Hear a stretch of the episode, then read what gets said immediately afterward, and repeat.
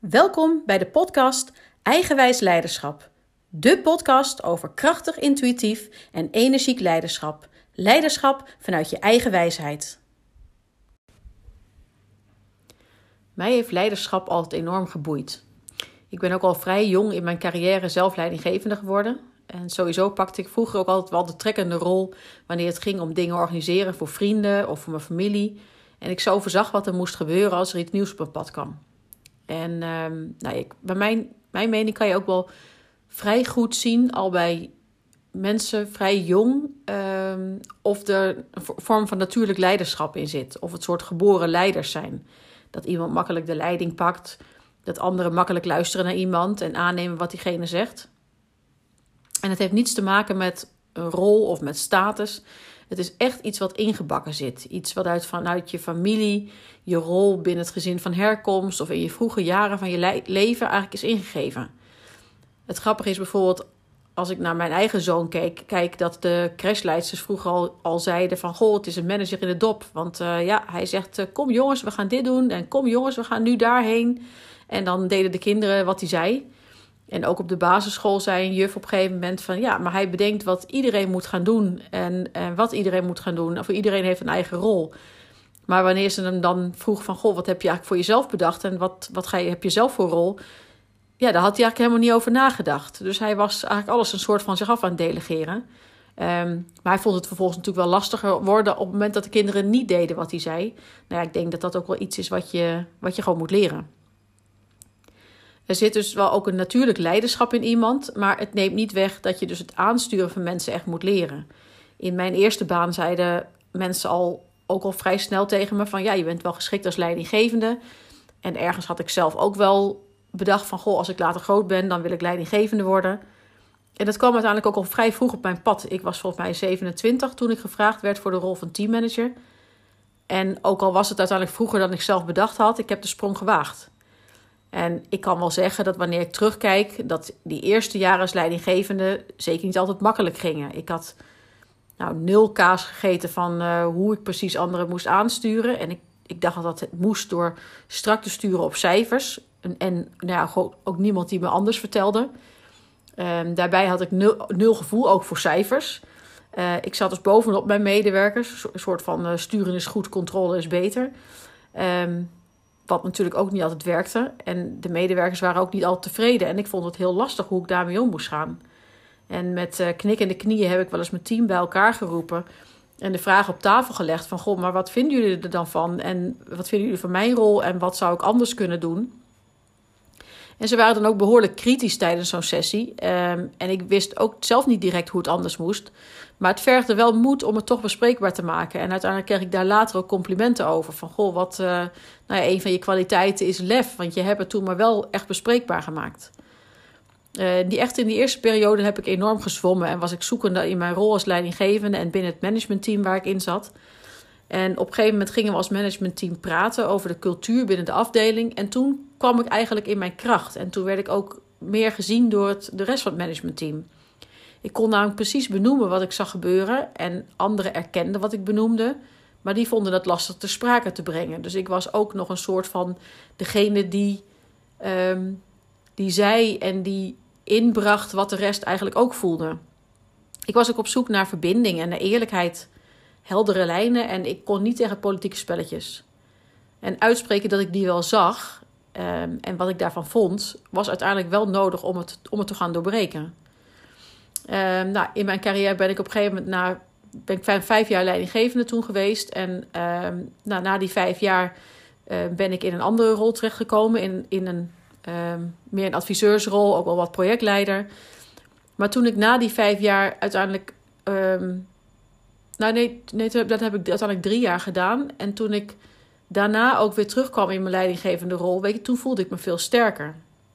Ik had ook meer ervaring binnen de projecten en ik ik snapte ook hoe het werkte op de werkvloer en ik had meer zelfvertrouwen.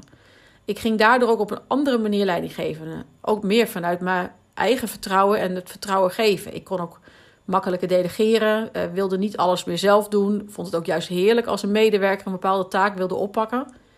En iets wilde verbeteren en een issue wilde aanpakken. En ik kon hem daar dan in faciliteren en ondersteunen. ik kon ook dan dus mijn rol als leidinggevende gewoon goed pakken. En ik heb het zelf ook altijd belangrijk gevonden om te kunnen sparren met andere leidinggevenden. Om, om, om sowieso met anderen, met collega's of met, met vrienden. Ook om van anderen weer iets te kunnen leren. Want iedereen pakt het toch op zijn eigen of, uh, manier op, zeg maar. En, uh, uh, en er zit ook nog een verschil over tussen hoe mannen en hoe vrouwen het aanpakken. En ik heb ook eigenlijk altijd in een mannenwereld gezeten. Dus nou, daar was ik ook gewoon nieuwsgierig naar. Op hoe pakt een man dat dan aan? En daarbij heb je ook zelf niet altijd de waarheid in pacht. Dus het, ik, uh, nou, ik vond het gewoon heel erg interessant. En weet je, want je acteert vanuit je eigen kaders en je eigen patronen en je eigen denkwereld. En wanneer dan de ander je nieuwe inzichten geeft, andere inzichten, vind ik dat in ieder geval elke keer weer verhelderend. En ik zou het ook echt iedereen aanraden. Ik heb ook uh, samen met een andere leidinggever een paar jaar een team aangestuurd. En dat was echt gaaf. Weet je, we, vulden elkaar ontzettend aan. Um, en ik kan me ook nog een gesprek herinneren dat wij samen een presentatie aan het voorbereiden waren. Uh, die ik uiteindelijk zou gaan doen. Maar dat ik tegen hem zei van... Goh, ik vind het zo knap dat jij altijd gewoon uit een losse pols kan praten voor een groep. En weinig voorbereiding op papier daarvoor nodig hebt. Waarop hij mij aankijkt en zei: Ja, nou ja, ik vind het juist knap dat jij bij een presentatie precies kan vertellen wat er op die sheet staat, maar dan in je eigen woorden. En dat was voor mij ook wel een voorbeeld dat je gewoon soms je eigen kwaliteiten onderwaardeert, omdat ze voor jou zo logisch zijn. En je ziet dan veel makkelijker de kwaliteiten van een ander en, uh, en datgene wat je eigenlijk zelf niet hebt. Maar ja, dat maakt dus het sparren met anderen ook zo mooi. Uh, dat ook die jou een spiegel kunnen voorhouden, die ook jou weer inzichten kunnen geven in je eigen kwaliteiten. Um, nou ja, en dat je daar ook weer van kan groeien, ook samen weer van kan groeien. Nou, op den duur had ik in mijn carrière ook een heel groot landelijk team waar ik leiding aan, geef, uh, gaf.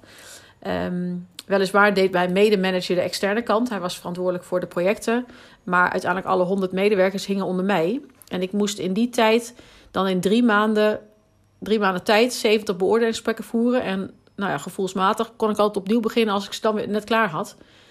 En waar ik beoordelingsgesprekken voeren altijd enorm leuk heb gevonden. En mensen in beweging zetten en praten over hun ontwikkeling. Um, ik vond het dus ook een hele gave ervaring. Maar um, het, het vergde ook gewoon wel heel veel van mij. Zeker de voorbereiding, de gesprekken zelf. En het was ook een landelijk team, dus ik reisde ook heel erg veel. Um, en toch had ik op een gegeven moment met die 100 man landelijk... had ik wel een soort modus gevonden dat het, dat het doable was. En ik had uh, vooruitgeschoven post op iedere vestiging... die mijn ogen en oren waren. En toch, uiteindelijk brak het me op den duur op. En um, nou, wat ik al zei, ik vind het fijn om mensen in beweging te zetten... om het verschil te kunnen maken... En met zoveel mensen verspreid over het hele land lukte dat maar bij een klein deel van de mensen. En ik voelde ook constant de druk dat ik te weinig aandacht kon besteden aan ieder individu. En dat ik uh, er dus voor iedereen ook wilde zijn. Maar nou ja, ik vergat uiteindelijk daarin mezelf wel, wat. En het mooie is wanneer je dus ook bewust wordt van je patronen. Uh, wanneer je bewust wordt van hoe je de dingen doet, waarom je ze doet dan heb je ook een kans om het anders te doen. Uh, ik ben toen ook echt gaan nadenken, maar wat zou ik dan willen? Wat zou ik dan anders willen doen? En hoe is het voor mij nog meer te doen? Of moet ik misschien andere keuzes gaan maken?